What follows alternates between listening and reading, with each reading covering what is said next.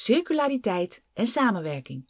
In elke aflevering ga ik op zoek naar hoe Apeldoorners bijdragen aan een mooiere, schonere en meer eerlijke wereld. Ik ben Angelique, Angelique van de Energiefabriek en ik neem je als super alpha mee in Betaland.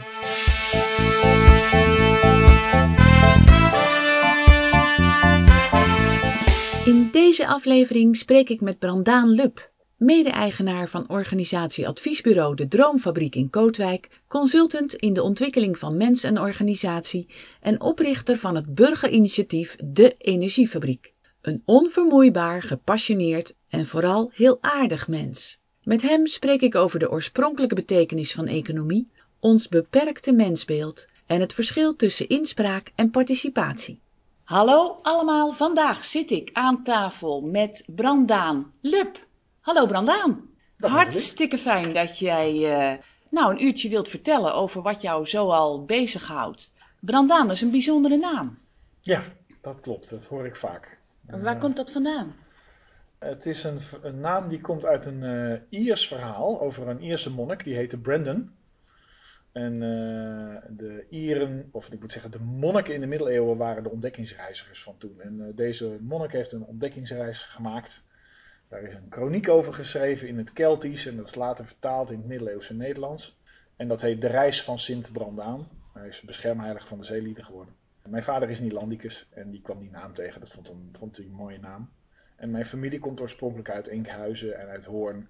En dat zijn allemaal van oudsher schippers en, en vissers en zeelieden. En, Ah, dus daar zit de link met zeelieden. met, met, de, met de zee en het ontdekken.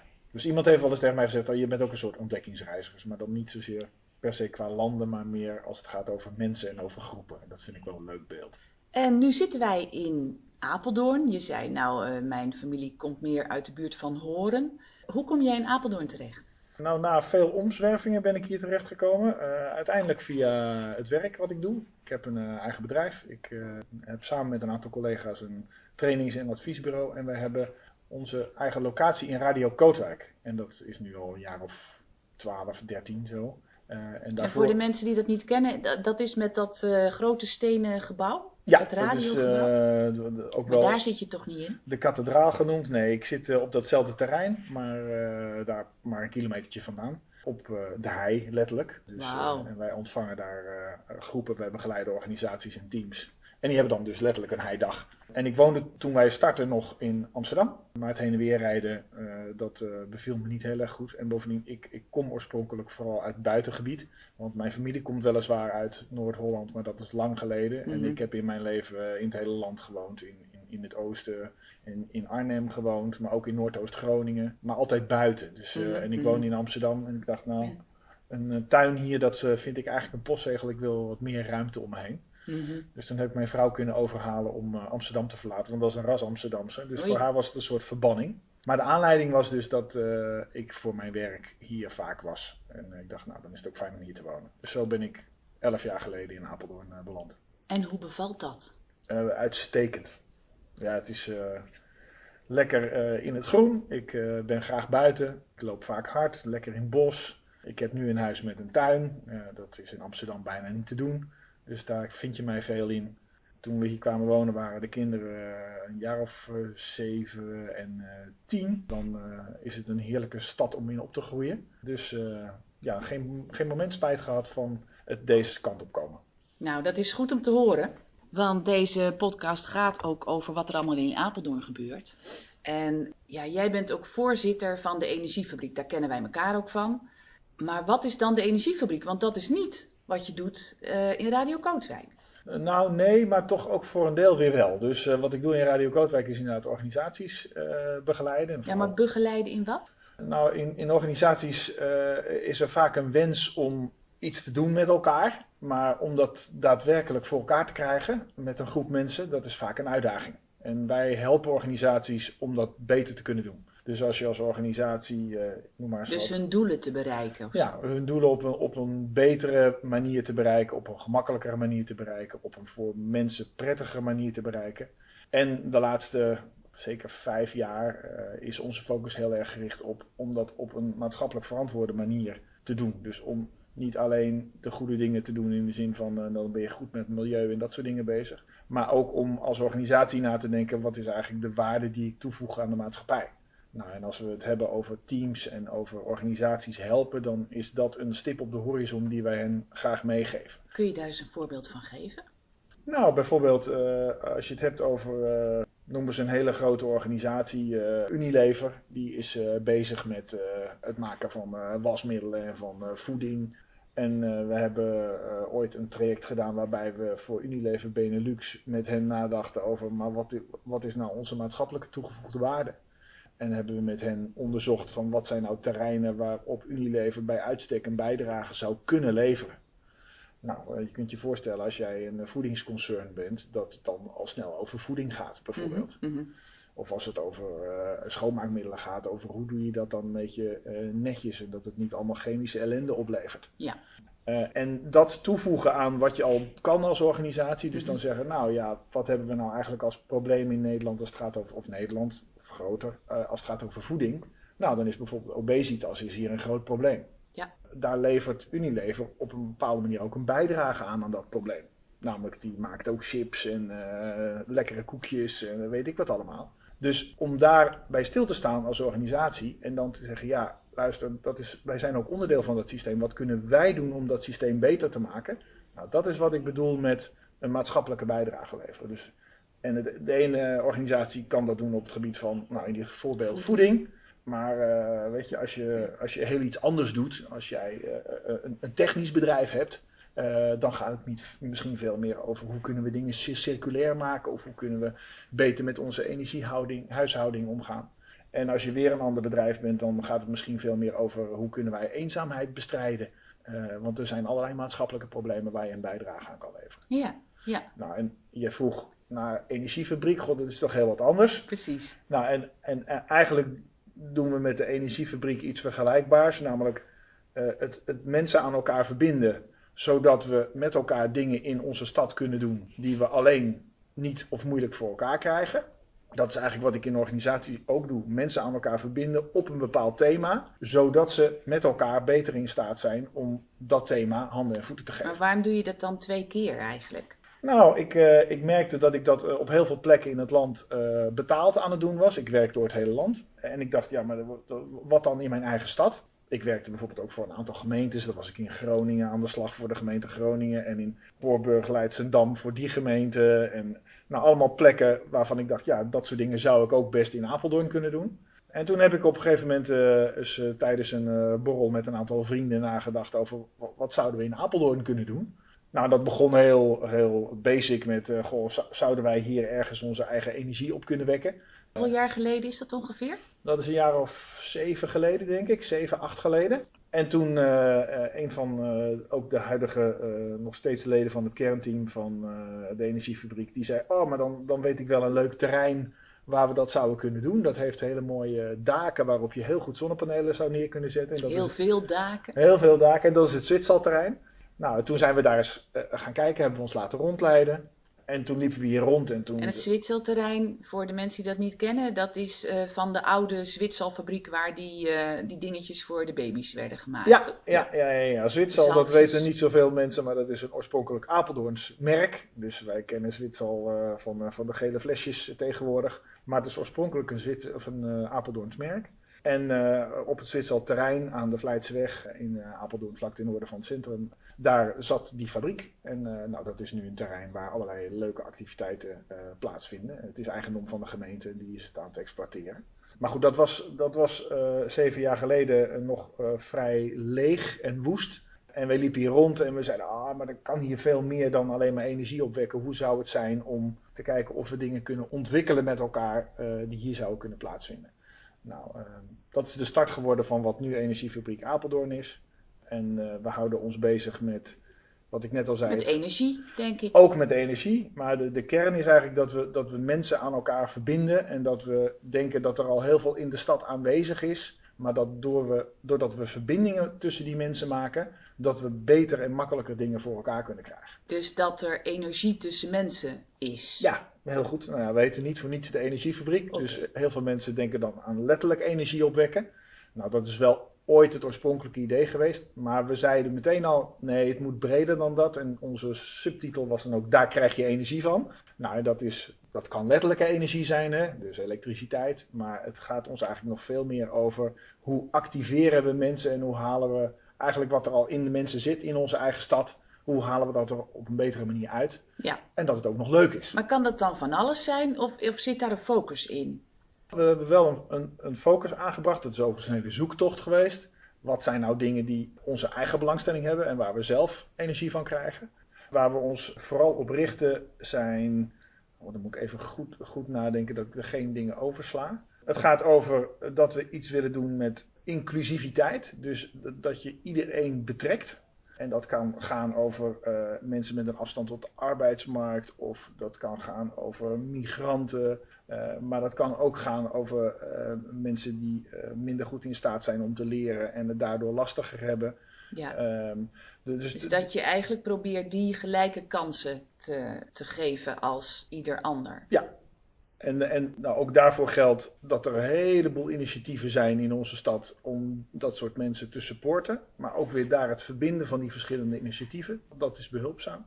Het tweede belangrijke thema gaat over ja, wat we maar hebben genoemd een soort van de nieuwe economie. Dat gaat over uh, circulariteit en, en uh, het gaat over de energietransitie. Het gaat over dat we met elkaar, dat voelen heel veel mensen wel, bezig zijn met het, het om, ja, een omslag te maken naar een nieuw systeem. Maar hoe dat systeem er precies uitziet, dat weten we allemaal nog niet. Nee, nee, en nee. daarin is participatie, dat is eigenlijk een ander belangrijk thema, van burgers. Maar ja, wij zijn burgers in allerlei soorten en maten. Want we zijn burger in de zin van zoals de gemeente ons ziet of zoals de overheid ons ziet. Maar diezelfde burger is ook uh, vader van kinderen die op een school zitten. En die is ook uh, uh, een moeder die in een bedrijf werkt. En dus maar dus het, zo is het eigenlijk toch weer allemaal verbonden. ja, maar Ja. De, de, dus het Ja. betrekken van, eh, van burgers op een andere manier bij eh, de stad. Nou, dat is dan met een mooi woord participatie. Dat is een ander belangrijk thema waar Ja. wij ons, Ja. op, ons op richten. Ja, en dan wil ik natuurlijk graag ook weten hoe, hoe dan? Hoe gaat dat in zijn werk? Maar ik heb eerst nog een andere vraag. Want toen ik jou vroeg voor dit interview, toen, eh, toen riep je gelijk: Oh, dan moet je het over circulaire economie doen. En toen dacht ik: Ja, dat kan. Ik ben heel benieuwd waar, waarom jij dat riep. Wat, wat voor lichtje gaat er dan bij jou branden van circulaire economie? Nou, ik, misschien moet ik het zelfs nog iets uitbreiden. Dus wat ik geloof is dat, wat ik net al zei, dat het systeem waarin wij nu werken met elkaar of leven, dat is een systeem wat niet circulair is, in, zoals de natuur is. Dus wat wij doen, wij, wij putten de aarde uit. Nou, da- da- da- daar worden we ons steeds meer bewust van, dat dat eh, aan de hand is. En dat Mhm. zie je op allerlei manieren. En twee eh, hele grote delen daarvan eh, zijn één, de, en- de energiebehoefte eh, en ons bijbehorende CO2-probleem. En een ander probleem is dat wij onvoldoende grondstoffen hebben, doordat we niet circulair werken. Dus als je naar de natuur kijkt, dan alles wat er gebruikt wordt, wordt ook weer teruggegeven aan het systeem en dat wordt weer opnieuw gebruikt. En wat wij de afgelopen Zoals de bladeren die dan weer mest worden voor de bomen. Exact. Exact. En dan, dus het is altijd in een, in een cirkel. Mhm. Ehm, en wat wij hebben gedaan, vooral de afgelopen 100 jaar, is dat we eh, eh, dingen maken die we vervolgens niet meer in delen uit elkaar kunnen laten vallen zoals de natuur dat doet. En dat, het, eh, dat de blaadjes compost worden. Maar dat we het aan elkaar geplakt hebben, bijvoorbeeld met een chemisch proces. En dat het nooit meer uit elkaar kan. Dus daarmee gaat er een heleboel grondstof verloren. Nou, en tweede grote probleem wat we hebben, het probleem is dat er eh, op die manier geproduceerd wordt en dat we dus eh, onze grondstoffen uitputten. Nou, en ik zei net al, eigenlijk eh, het gevolg daarvan is dat er nog een derde probleem is ontstaan en dat is dat onze biodiversiteit enorm terugloopt. Dus de hoeveelheid verschillende planten en dieren Mhm. is enorm teruggelopen. Nou, en, en dat is allemaal het gevolg van ons systeem zoals we dat hebben gebouwd met elkaar. Daar hebben we ook heel veel profijt van gehad. Daar, daardoor is er een enorme welvaart ontstaan. Maar ik geloof dat dat systeem op zijn einde is. En dat we met elkaar, dat zijn we eigenlijk al aan het doen, aan het zoeken zijn naar een nieuw systeem. En de- daar is de circulaire economie is daar een onderdeel van. Hoe moet ik dan het woord economie daarin duiden? Nou, het is eigenlijk Wat, wat tegenwoordig het geval is, is dat onze samenleving wordt bekeken alsof het alleen maar een economie is. En dat is misschien meteen ook wel het probleem. Dus als je kijkt naar wat is leidend in het nemen van beslissingen in onze maatschappij, dan uh, gaat het altijd over wat levert het economisch op. Ja, gewoon in harde pegels. Ja, en, en, en dan gaat het over economische groei. En dat model, dat het alleen maar over geld gaat, dat is meteen de kern van het probleem. Dus als wij economie niet anders gaan definiëren, want economie uh, in, het, in, de oorspronkelijke betekenis is het, het goed omgaan als goed huisvader mhm. met de dingen die je tot je beschikking hebt. Dat is eigenlijk het oorspronkelijke, de oorspronkelijke betekenis van het woord economie. Maar daar gaat het al heel lang niet meer over. En wat we moeten leren is wat we moeten toevoegen aan dat je geld moet verdienen. Want dat is natuurlijk helemaal niet verkeerd. Maar dat er iets meer is dan alleen dat aspect. En dat gaat over die dingen die ik net noem, over dat we circulair moeten gaan werken. Dat, je waarde toevoegt aan de maatschappij. Ja, dat je waarde toevoegt op langere termijn. Dus dat je iets achterlaat wat tenminste even goed is als wat je hebt aangetroffen. En dat is een hele lastige, want economie zoals die nu gedefinieerd is, gaat altijd over op zijn best over het komende jaar. Weet je, het gaat over jaarcijfers. En niet wat de gevolgen op lange termijn zijn. Nee, dat nemen we eigenlijk nog veel te weinig mee. En, en je merkt nu heel erg, en daar is corona ook een versneller in het, in, in, in het denkproces en het bewustwordingsproces van mensen, dat veel mensen zich realiseren, het model zoals we dat nu kennen, dat past niet meer. We lopen vast.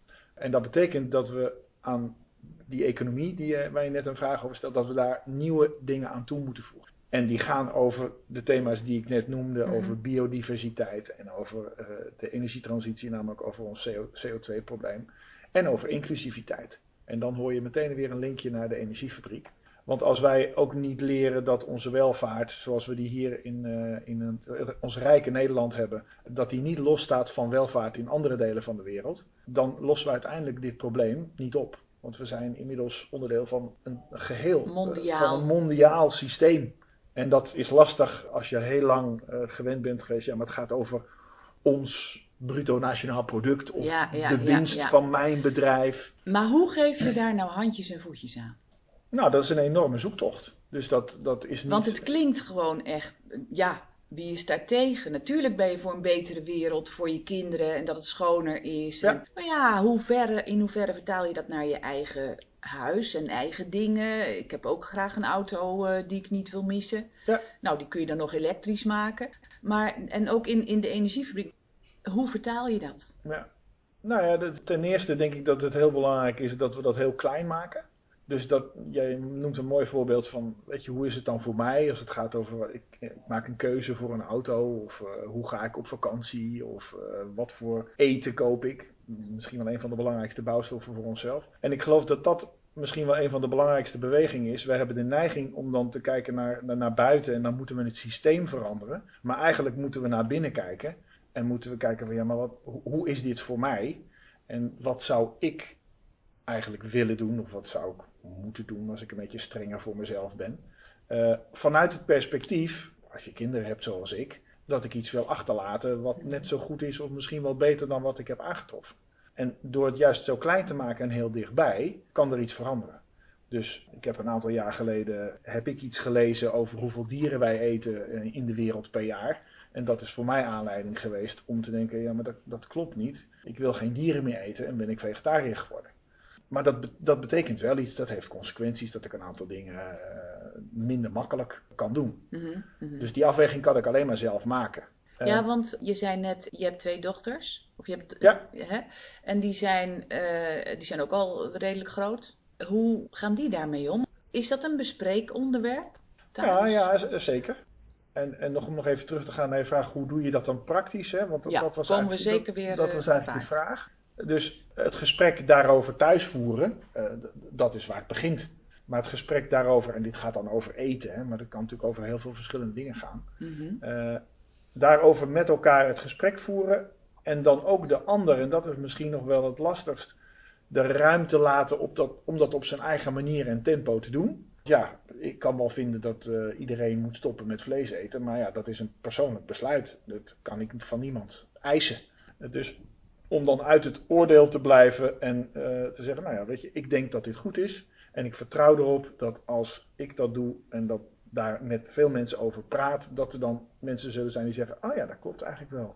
Het is wel raar dat wij elk jaar vijf keer de hoeveelheid dieren opeten die in het wild leven op de wereld. Dat eten we elk jaar op. Mhm. Dat kan eigenlijk niet als je er even over nadenkt. Dat we alle wilde dieren vijf keer per jaar opeten. Dan zouden we dus geen dier meer hebben. Mhm. Nou, dat is onze bio-industrie. En dat is een voorbeeld van privé, hè? dus een, een privébesluit. Maar in een maatschappij, in een organisatie, of dat nou eh, een bedrijf of, of, of een overheidsonderdeel is, geldt eigenlijk hetzelfde. Door met mensen in gesprek te gaan over wat is nou wat jij zou kunnen toevoegen of mee zou kunnen stoppen in jouw werk, waarmee je een bijdrage levert aan datgene wat voor jou belangrijk is. En ik noem dat vaak je, je, je ongemakkelijke waarheid. Ik had het net over eh, Unilever. De mensen die bij Unilever werken, die weten ergens natuurlijk ook wel dat eh, Unilever ook ongezonde producten maakt. Dat is een ongemakkelijke waarheid. Goh, ik ben dus onderdeel van een systeem waarvan ik weet dat het ongezond eten maakt. Gewoon omdat we er winst mee kunnen maken. Pas als je dat onder ogen durft te zien, kun je er iets aan gaan doen. Mhm. Maar dat betekent dus dat je dat, dat ongemakkelijke stuk, dat moet je voor jezelf wel aan durven kijken. Nou, en dat is het persoonlijke deel waar ik het net over had. Ja. Als we dat individueel gaan doen, dan kan ik, als ik in Unilever werk, weer hetzelfde voorbeeld, het gesprek daarover eens gaan voeren in het team waarin ik zit, zodat er iets kan gaan gebeuren. Ja. Wat kan je doen praktisch? Het heel klein maken, het vertalen naar jouw eigen werk, naar jouw eigen leven. En kleine stappen zetten, keuzes maken, gesprekken aangaan. Ik geloof niet dat het systeem gaat veranderen doordat er van bovenaf gezegd gaat worden: nu moet het allemaal anders. Ik geloof dat deze beweging alleen maar van onderop eh, kan ontstaan. Bij jou en bij mij. Wat heeft jou daarin geïnspireerd? Lees je daar veel over? Ja, ik, le- ik lees veel. Tegenwoordig luister ik meer. Ik ben, niet, ben ook wel een lezer, maar ik lees erg traag. Dus eh, als ik een dik boek zie, dan eh Oeh. deins ik altijd een beetje terug.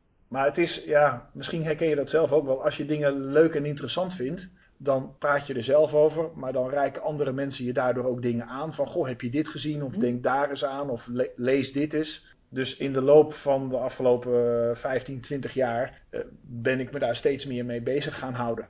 En doordat ik dat in zowel mijn werk als privé doe, kom ik in contact met heel veel mensen die mij ook weer inspireren, die mij dingen aanreiken. Zoals bijvoorbeeld? Ja, dat is heel divers. Dus dat kan zijn dat ik, het voorbeeld wat ik net noemde, dat ik een artikel lees op basis waarvan ik me van iets bewust word. En daardoor maak ik een andere keuze dan daarvoor.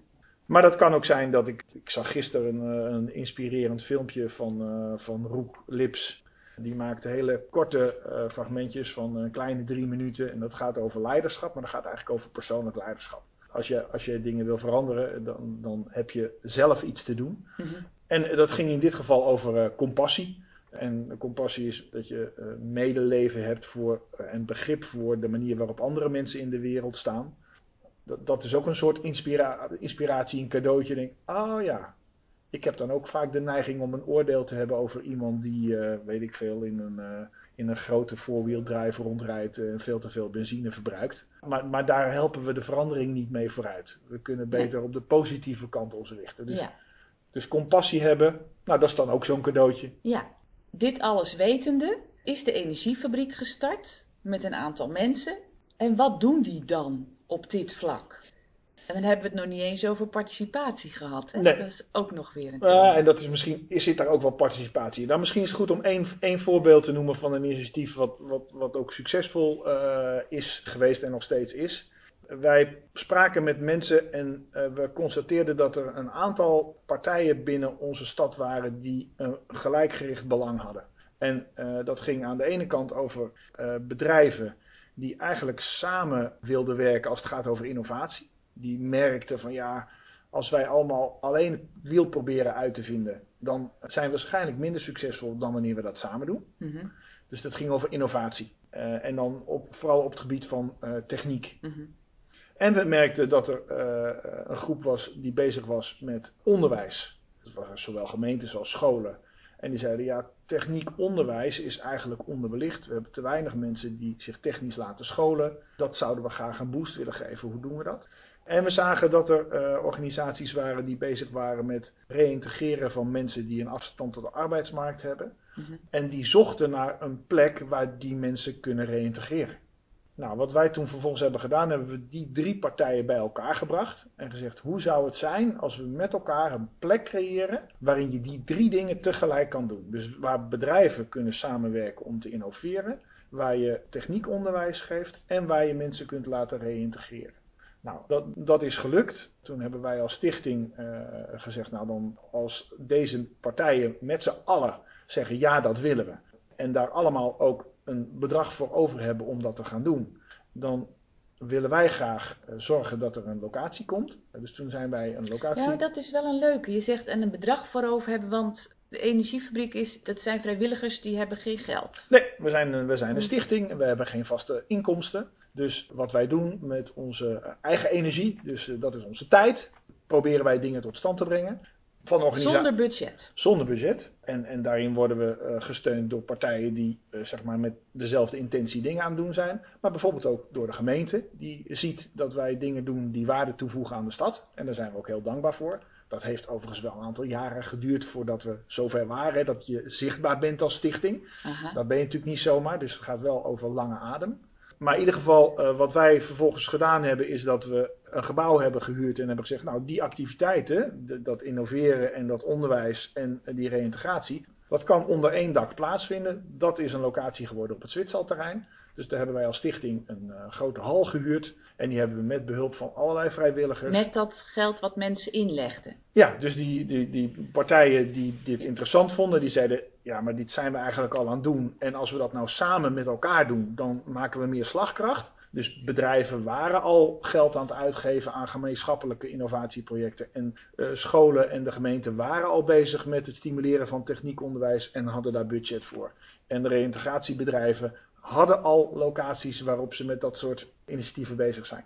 Dus, dus als ik het goed begrijp, is het eerst het signaleren wat er is, het beeld hebben van wat er zou kunnen en dan die partijen bij elkaar brengen. Ja, Doe je daar nog meer? In de zin van, ga je ze nog begeleiden? Of? Nou, dat, dat hangt van de situatie af. Dus soms hoef je helemaal niks meer te doen, weet je. Dan is het meer van, oh ja, goh, wat gaaf, we hebben elkaar gevonden. En uh, nou, dan, dan gaan mensen hun gang. En, dan ontstaat er energie. Ja, en soms is het ook zo dat, dat, dat mensen nog wat voorzichtig zijn. Hè? Dus uh, het voorbeeld wat ik net noem van het huren van een hal. Mm-hmm. Uh, als wij er als stichting niet zouden zijn geweest, dan is het lastig om een hal te huren. Want dat betekent dan dat ofwel een bedrijf, ofwel een school, ofwel een reïntegratieinstelling die hal moet gaan huren voor al die partijen samen. Nou, daarvoor is het heel mooi dat er een stichting is die zegt, daar kunnen wij een verbindende rol vervullen. Als jullie allemaal zeggen, wij staan garant voor een bepaald onderdeel van uh, de huur van dit pand.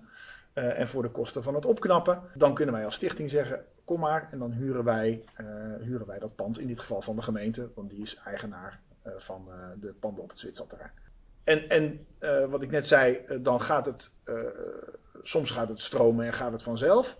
Maar ook toen we eenmaal die locatie hadden, bleek dat het best lastig is om een plek waarvan jij denkt: Goh, maar daar heb ik een financiële bijdrage aan geleverd. Dan heb ik dus ook bepaalde rechten om die rechten wel met elkaar in balans te brengen. Want je bent met elkaar dan een community in zo'n pand. Mm-hmm. En hoe doe je dat? Concreet? Nou, bijvoorbeeld, uh, dan is er uh, het onderwijs heeft uh, een bijeenkomst met veel schoolkinderen en heeft daar gedurende een aantal dagen veel ruimte voor nodig. Maar op diezelfde dagen zijn er ook mensen die daar bezig zijn met hun reïntegratieproces en daarin begeleid worden. En die worden daar een beetje onrustig van. En, en die, die heel, heel onrustig worden van veel lawaai om zich heen. Mm-hmm. Nou, hoe, hoe, doe je dat dan? Ook daar is het weer met elkaar in gesprek. Wat is ons belang? Wat is jullie belang? Van elkaar ook weten wat je aan het doen bent. Dat is heel belangrijk. Dus dat je ook verschillende belangen hebt. En dat je dat van elkaar erkent en probeert daar zoveel mogelijk rekening mee te houden. En dat is een begeleidingsstuk wat we als energiefabriek pak een beetje een jaar of drie, vier op ons hebben genomen. Ook allemaal vrijwillig. En, en hoe ziet dat begeleiden er dan uit? Heb je dan iedere week een bijeenkomst? Of, of als er een conflict is, dan grijp je in? Hoe moet ik me dat voorstellen? Nou, het is een, een, een, een, een vrij organisch model. Dus het is zeker niet zo elke week een vergadering. Maar het is zo dat uh, één of twee van de mensen van het kernteam van de energiefabriek met regelmaat op die locatie aanwezig waren. En dan dus een rondje maken en even vragen, joh, hoe gaat het nou en wat staat er op het programma? En daar een soort van nou, conciërge-achtige rol uh, vervullen. Dus echt een verbindende rol. En uh, in het begin waren mensen daar een beetje onwennig mee. Van, ja, maar wat, wat doet die persoon dan eigenlijk? Van, als je niet oppast, dan, dan is de neiging van mensen om te zeggen: Oh, maar jij bepaalt het dus, jij bent blijkbaar de baas of zo. Nee, dat is het niet. Maar ik probeer wel mensen aan elkaar te verbinden. Dus op een organisch... Ja, want dat heeft te maken met, met hoe je, of hoe de energiefabriek naar participatie kijkt. Dat er geen baas is. Hoe moet ik dat zien? Nou ja, eh, kijk, als je het hebt over samenwerking, dan gaat het over meerdere belangen. En dan is het per definitie zo dat het over geven en nemen uh, gaat. Dus uh, participeren is met elkaar zoeken naar een betere oplossing. Daar gaat participatie, wat mij betreft, vooral over.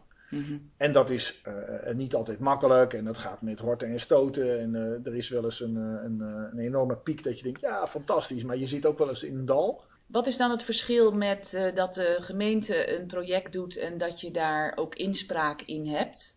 Nou, als ik het heel, heel plat sla en een beetje scherp zeg, dan is het zo dat over het algemeen er geen beslissingsbevoegdheid ligt bij de participanten. Dus bij de mensen die dan inspraak mogen hebben. Inspraak in de klassieke manier, en dat is gelukkig langzamerhand aan het veranderen, is de overheid heeft een plan en jij mag zeggen wat je ervan vindt. En als je hele slimme dingen zegt, dan wordt er misschien nog iets toegevoegd. Maar in principe is van tevoren al bekend wat er gaat gebeuren. En participatie is een heel ander proces. Dat gaat over, je gaat vragen van wat zou er hier eigenlijk nodig zijn? En uh, hoe zouden jullie dat invulling geven?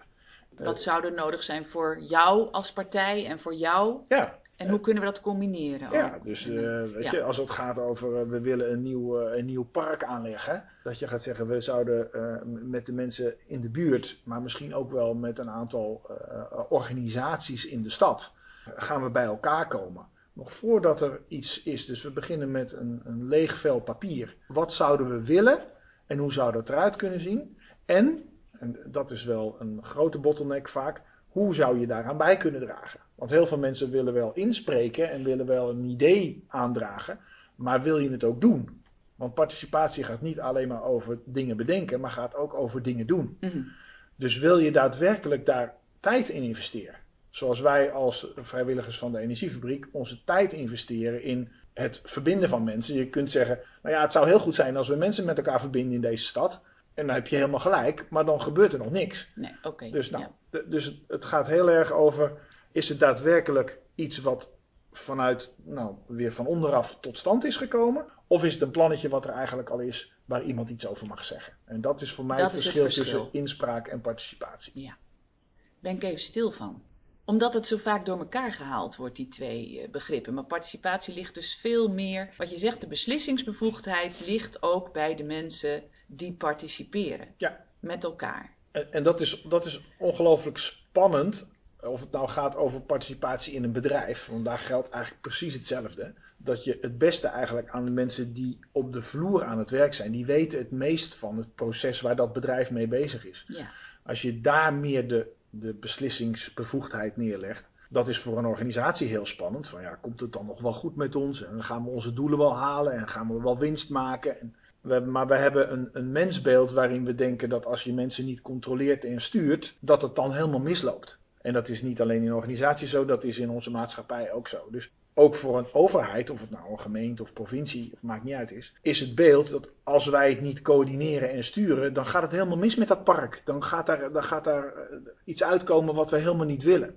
De praktijk is niet zo. In de praktijk blijkt dat als je echt mensen de ruimte geeft, dat die heel goed nadenken over verschillende belangen. Als ze die verantwoordelijkheid ook hebben. Exact. Ja, ja, oké. Okay. Dus, want dan is het iets anders dan van de publieke tribune iets roepen. Maar dan weet je, als ik nu iets zeg, dan moet ik het dus ook met een aantal anderen straks gaan doen.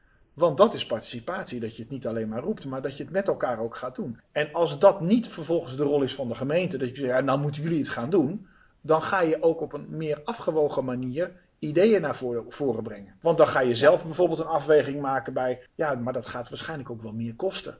Als jij dat kostenaspect niet mee hoeft te nemen en alleen maar je ideeën mag spuien, ja, dan kan je van alles gaan spuien. Ja. Ook ideeën die eigenlijk niet zo realistisch zijn. Mm-hmm. Nou, als je het vanuit een participatief standpunt doet, dan krijg je dus veel afgewogener voorstellen. Die ook meer kans hebben om te slagen. Ja. Want anders heb je een heel idealistisch beeld en het kost een miljoen. Ja, dat geld is er niet. En dan, en, en, en dan vervolgens ben je teleurgesteld dat jouw idee niet is overgenomen. Maar wat zou volgens jou dan passende rol zijn van gemeentes in, in, in dit proces? Hè? Als je meer naar die participatie zou gaan. Nou, ik denk dat dat proces al gaande is. Dus dat dat steeds meer uh, beweging is waarbij, of het nou gaat over burgers of bedrijven of onderwijs, betrokken wordt bij vraagstukken van de gemeente. Maar ik denk dat dat, dat een heel langzaam proces is. Want dat is iets wat in uh, 150, 200 jaar uh, is ingesleten.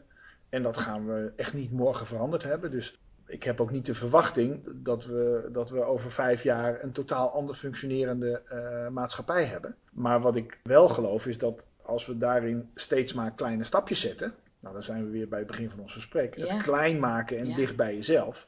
Kijk, als ik uh, regelmatig met mensen uit bijvoorbeeld een gemeente een gesprek heb over het onderwerp waar wij het nu over hebben, dan ontstaat bij die mensen misschien ook wel een iets ander beeld over hun eigen werk en de eigen manier van invullen van hun werk. En dat zijn allemaal kleine stapjes die bijdragen aan die grotere verandering die langzaam gaat plaatsvinden. Zou je niet beter dan in de gemeente gaan werken? Ja, dat, dat kan. Hè. Dus er zijn ook mensen die die keuze maken. Of er zijn mensen die zeggen, dan ga ik in de lokale politiek. Uh, mm -hmm. Dan ga ik op die manier uh, invloed uitoefenen. Dat is ook een systeem waar verandering nodig en gaande is. Ik krijg zelf meer energie van het mensen aan elkaar verbinden. En van dingen die er al zijn, om die groter te, en sterker te maken. Uh, oh, want daar, daar is ook een verschil in hiërarchie. Binnen gemeente heb je hiërarchie. Ja. En met participant heb je dat minder, of ook, of niet? Ik denk dat er, er is altijd wel een vorm van hiërarchie, maar dat gaat dan meer over, over inhoud. Hè? Dus het gaat niet over macht, maar het Oh, gaat ja. over, dat zien wij binnen de energiefabriek ook, als er een bepaald vraagstuk op tafel ligt, dan is er in onze groep een soort hiërarchie, omdat over dat vraagstuk iemand iets meer weet. Ja. En dat weten we ook van elkaar. Dus uh, dan luisteren we vooral naar de persoon die daar iets over weet. Dat is ook een vorm van hiërarchie, maar daar is helemaal niks mis mee. Als het gaat over hiërarchie zoals wij dat Dus kennen. ieder heeft daarin zijn rol. Ja, En, de, en die rol is hem niet opgedrukt, maar die, die heeft hij zelf ook aan kunnen geven. Ja. Of die kunnen de anderen ook zeggen van, hé, hey, maar dat kan jij goed. precies. Dat past bij hem of haar. En de, de klassieke vorm van hiërarchie, jij hebt een bepaalde positie in een organisatie en daarom mag jij iets bepalen en iets vertellen. Dat is vaak een heel belemmerend model. En dat is overigens heel lang een heel effectief model geweest. En dat kon omdat onze maatschappij redelijk overzichtelijk was. Dus uh, waarom is dat belangrijk? Zolang een maatschappij overzichtelijk is, dan kun je alle kennis bij elkaar laten komen bovenaan in de piramide en vervolgens daar vanuit je overzicht slimme dingen over zeggen. Maar als de maatschappij steeds complexer wordt en veranderingen steeds sneller gaan, dan wordt die piramide wordt juist een beperking. Want dan duurt het een tijd voordat het bovenaan in de piramide is. Maar daar krijg je eigenlijk geen overzicht meer, want het is te complex. Je kan het niet meer overzien, dus dat is het probleem. En het tweede probleem is, de veranderingen gaan zo snel dat als jij dan vervolgens een besluit neemt en dat gaat weer naar beneden, of het nou in een overheid of in een organisatie is, een commerciële organisatie, dan is er eigenlijk alweer wat veranderd en ben je ook te traag. Dus je bent per definitie te laat dan. Ja, je, bent, je, bent, je hebt eigenlijk en niet het overzicht en je bent te laat. Uh, 100 jaar geleden of 50 jaar geleden was onze maatschappij veel minder complex en was dat een super efficiënt model. Maar onze maatschappij is veel complexer geworden en verandering is veel sneller. En daardoor werkt die piramide, die hiërarchie, die werkt niet meer. Mm -hmm. En je ziet dus steeds meer organisaties ontstaan waar die hiërarchie uit wordt gehaald. Dus je ziet bijvoorbeeld steeds meer coöperaties ontstaan. In een coöperatie heb je leden, alle leden hebben evenveel inspraak. Zijn veel kleinere bedrijven die een vorm van een coöperatie kiezen, zodat je de hiërarchie kwijt bent. En sneller kunt reageren. Ja, sneller kunt reageren, maar ook vanuit die gelijkheid, is eigenlijk net zoals bij participatie, als jij mede verantwoordelijk bent voor een bedrijf, want je bent gelijkwaardig lid van een coöperatie in dit geval, dan voelt het anders om ergens een besluit over te nemen, want het gaat ook over jouw eigen bedrijf, dan wanneer het een bedrijf is waar jij onderdeel van bent, maar geen eigenaar van bent. Want dat is van de aandeelhouder of van de directeur. Um, en zo is het in participatie precies zo. Als jij onderdeel van het proces, maar ook van de oplossing bent. Dus als je het ook moet doen, dan neem je andere besluiten. En ik geloof dat de bottom-up beweging waar we het net over hadden om onze maatschappij uh, in beweging te brengen, dat die heel goed aansluit bij dit soort nieuwe modellen. Ja. Waar dus veel minder hiërarchie, want daar ging je al vragen over, veel minder hiërarchie in zit. En dat is grappig genoeg ook iets wat je uh, in de natuur natuurlijk uh, terugziet. Daar is er natuurlijk een soort van het rechts van de sterkste. Hè. Dat is ook, ook een vorm van hiërarchie. Mhm. Maar het is niet zo eh, dat eh, de appelboom eh, belangrijker is dan de tor. Of minder belangrijk is dan de tor. Want de appelboom kan niet zonder het torretje en andersom. Maar Dus- in de apenwereld weer wel, toch? Nou ja, er zijn natuurlijk. Heb je toch eh, de hoofdgorilla hier in de apenhul? ja, dus, dus dat zei ik al. De- natuurlijk is het recht van de sterkste is in de natuur aanwezig. Ja, dus da- da- ja. da- daar is wel een vorm van hiërarchie. Maar in het grotere systeem bekeken. Ja, als je zegt, ja, maar de, de- mo- mogen de, eh, de gorilla's dan alles bepalen in de natuur? Zo gaat het natuurlijk niet. Nee. nee, En dat nee, is wat, nee, wat wij als mensen wel aan het doen zijn. Wij zijn eigenlijk alles aan het bepalen en aan het sturen. En ook, ook aan, het, aan het beëindigen.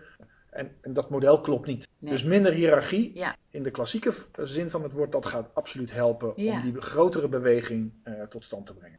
Ik wil nog iets vragen over een beetje de schaduwkant. Ik ken jou als een heel positieve persoon die altijd de goede dingen van iets inziet. Maar het lijkt me toch ook niet makkelijk om zo'n energiefabriek, nou nu al zeven jaar, ja, te laten gedijen.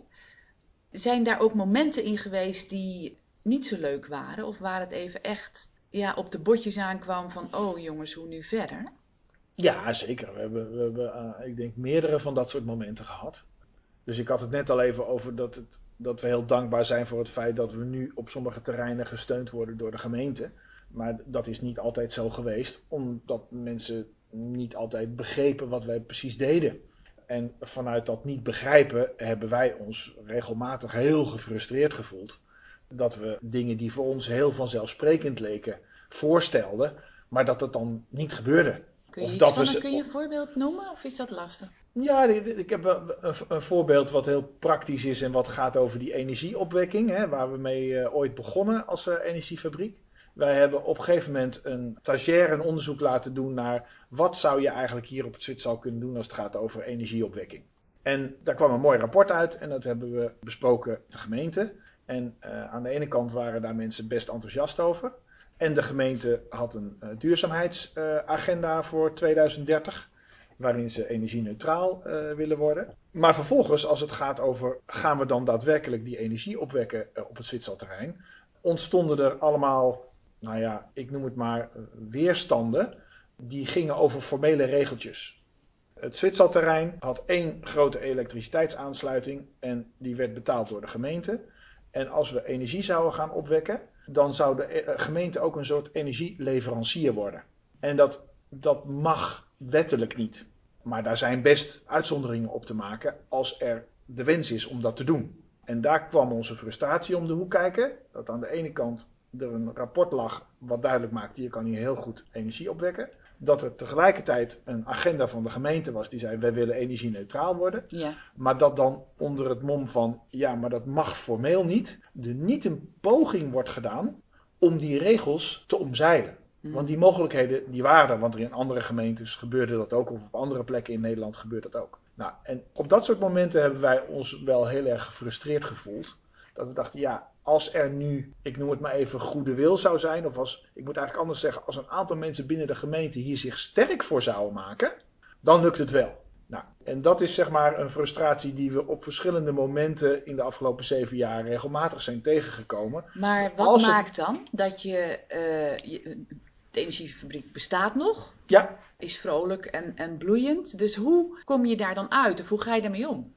Nou, dan kom ik eigenlijk terug op het woord wat ik, eh, wat ik net al noemde. Het gaat over eh, compassie, namelijk medeleven en begrip ook voor de andere kant. Namelijk dat die medewerker van de gemeente in een systeem zit eh, waar die heel erg gestuurd wordt op je moet je wel aan de regels houden. En ga vooral niet daar proberen tegen in te gaan. Dus je, Dus je probeert het, het grotere, het systeem eromheen te zien, het grotere plaatje. Ja, en, en dan ook. Waardoor iemand doet wat hij doet. Ja, en, en in plaats van daar een oordeel over te hebben. En eh, ik bedoel, natuurlijk hebben wij ook wel eens eh, zitten voeteren en eh, zijn we boos geweest op mensen. Dus, want zo gaat het gewoon. Maar als je daar even weer afstand van neemt, dat je kunt zeggen: ja, maar dat gaat niet over onwelwillendheid. Dat gaat over dat je onderdeel bent van een systeem. En dat het ontzettend lastig is om daar uit te stappen. En dat is misschien wel, om het cirkeltje rond te maken, dan ben je weer terug bij dat persoonlijke stuk. Hè. Ben jij bereid en in staat om in datgene wat je doet, of het nou je werk is of privé, een ander standpunt in te nemen als je denkt dat dat nodig is. Nou, en in dit geval was een ander standpunt binnen de gemeente was heel praktisch. Ja, jongens, ik weet dat wij formeel geen energieleverancier mogen zijn, maar kunnen we niet iets verzinnen waardoor we dat toch kunnen realiseren? Want wij willen toch graag verduurzamen als gemeente. Nou, en dat vraagt moed. En, ja, en, en, creativiteit. En creativiteit. En uh, dat, dat is er soms wel en soms ook niet. Mm nou, en, en hoe houden wij onze energie hoog? Want dat was je vraag. We zijn nog steeds bij elkaar na 7, 8 jaar. Uh, dat is dat, dat we daarover met elkaar ook in gesprek zijn. En zeggen: Oké, ja, weet je, we voelen nu wel even de frustratie. Maar wat is een stap die we dan wel kunnen zetten om het toch weer een stapje dichterbij te brengen? Nou, en dan is het soms een beetje uh, twee stappen vooruit, één stap achteruit. En langzaam maar zeker ontstaat er meer bewustzijn van: oh ja, maar het is eigenlijk wel goed om dat te doen. En dat zien we als we nu zeven jaar terugkijken hoe het toen was en hoe het nu is, in onze stad ook. En dat gaat overigens niet alleen over de gemeente, dat gaat ook over bedrijven die nu veel makkelijker aanhaken bij dat initiatief waar ik het net over had, dan, dan toen we ermee startten vijf jaar geleden. Toen waren het echt alleen nog de koplopers die die mogelijkheden zagen als het ging over samen innoveren. En nu, uh, wij hebben die activiteit overgedragen naar een nieuwe vereniging, dat heet Newtech Park.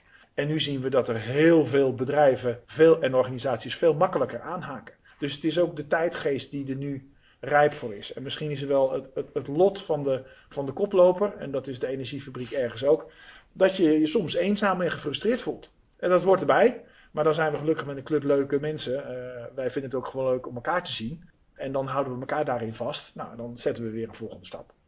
En als iemand luistert nu en die uh, denkt van god, ik vind het helemaal, helemaal leuk waar die mensen mee bezig zijn en ik zou ook een bijdrage willen leveren, wat, wat kan die dan doen? Nou, uh, neem, neem, contact op met uh, de Energiefabriek, energiefabriekapeldoorn.nl. Daar is een linkje naar contact. Wij vinden het ontzettend leuk om nieuwe mensen aan te haken. Hoe diverser onze groep is, hoe meer mogelijkheden wij hebben. En we hebben een compact kernteam van een man of acht, negen en daaromheen zit een heel netwerk van mensen. We vergaderen één keer in de drie weken uh, met dat kernteam. Uh, dat doen we tegenwoordig meestal s'avonds. En soms als het kan een keer overdag. Dus daar is iedereen uh, die denkt dat hij hier iets aan bij kan dragen. Of die het gewoon leuk vindt of nieuwsgierig is. van harte welkom om eens bij aan te sluiten. En daar hoef je technische achtergrond voor te hebben of zo? Nee hoor, we hebben ook als je naar het huidige kernteam kijkt, hele diverse mensen. Dus er zijn mensen die een achtergrond hebben in in, eh, de, in de bibliotheekwereld. We hebben uh, technici, uh, we hebben mensen die op het gebied van communicatie veel weten, of op het gebied van HR, personeelszaken. Dus we zijn nu al een heel divers team en diversiteit is van harte welkom. Ja. Heb jij iets met techniek? Nee, ik ben, ik ben niet technisch geschoold. Ik vind, ik vind techniek wel interessant. Maar Want is... hoe ben jij geschoold? Daar hebben we het nog helemaal niet over gehad. Nee, ik ben uh, econoom van huis uit. Ah, ben, uh, vandaar de circulaire economie. Uh, bijvoorbeeld. En ik heb een aantal jaren in het bedrijfsleven gewerkt voordat ik mijn eigen bedrijf startte. Maar ik heb wel interesse voor technologie, omdat ik geloof dat dat een hele wezenlijke bijdrage kan leveren aan de uitdagingen waarvoor we staan. Dus of het nou gaat over uh, circulariteit, of dat het gaat over de energietransitie, of dat het gaat over ook weer het terugbrengen van meer biodiversiteit. Techniek en technologie en, en informatie is daarin super belangrijk. Op die manier ben ik erin geïnteresseerd.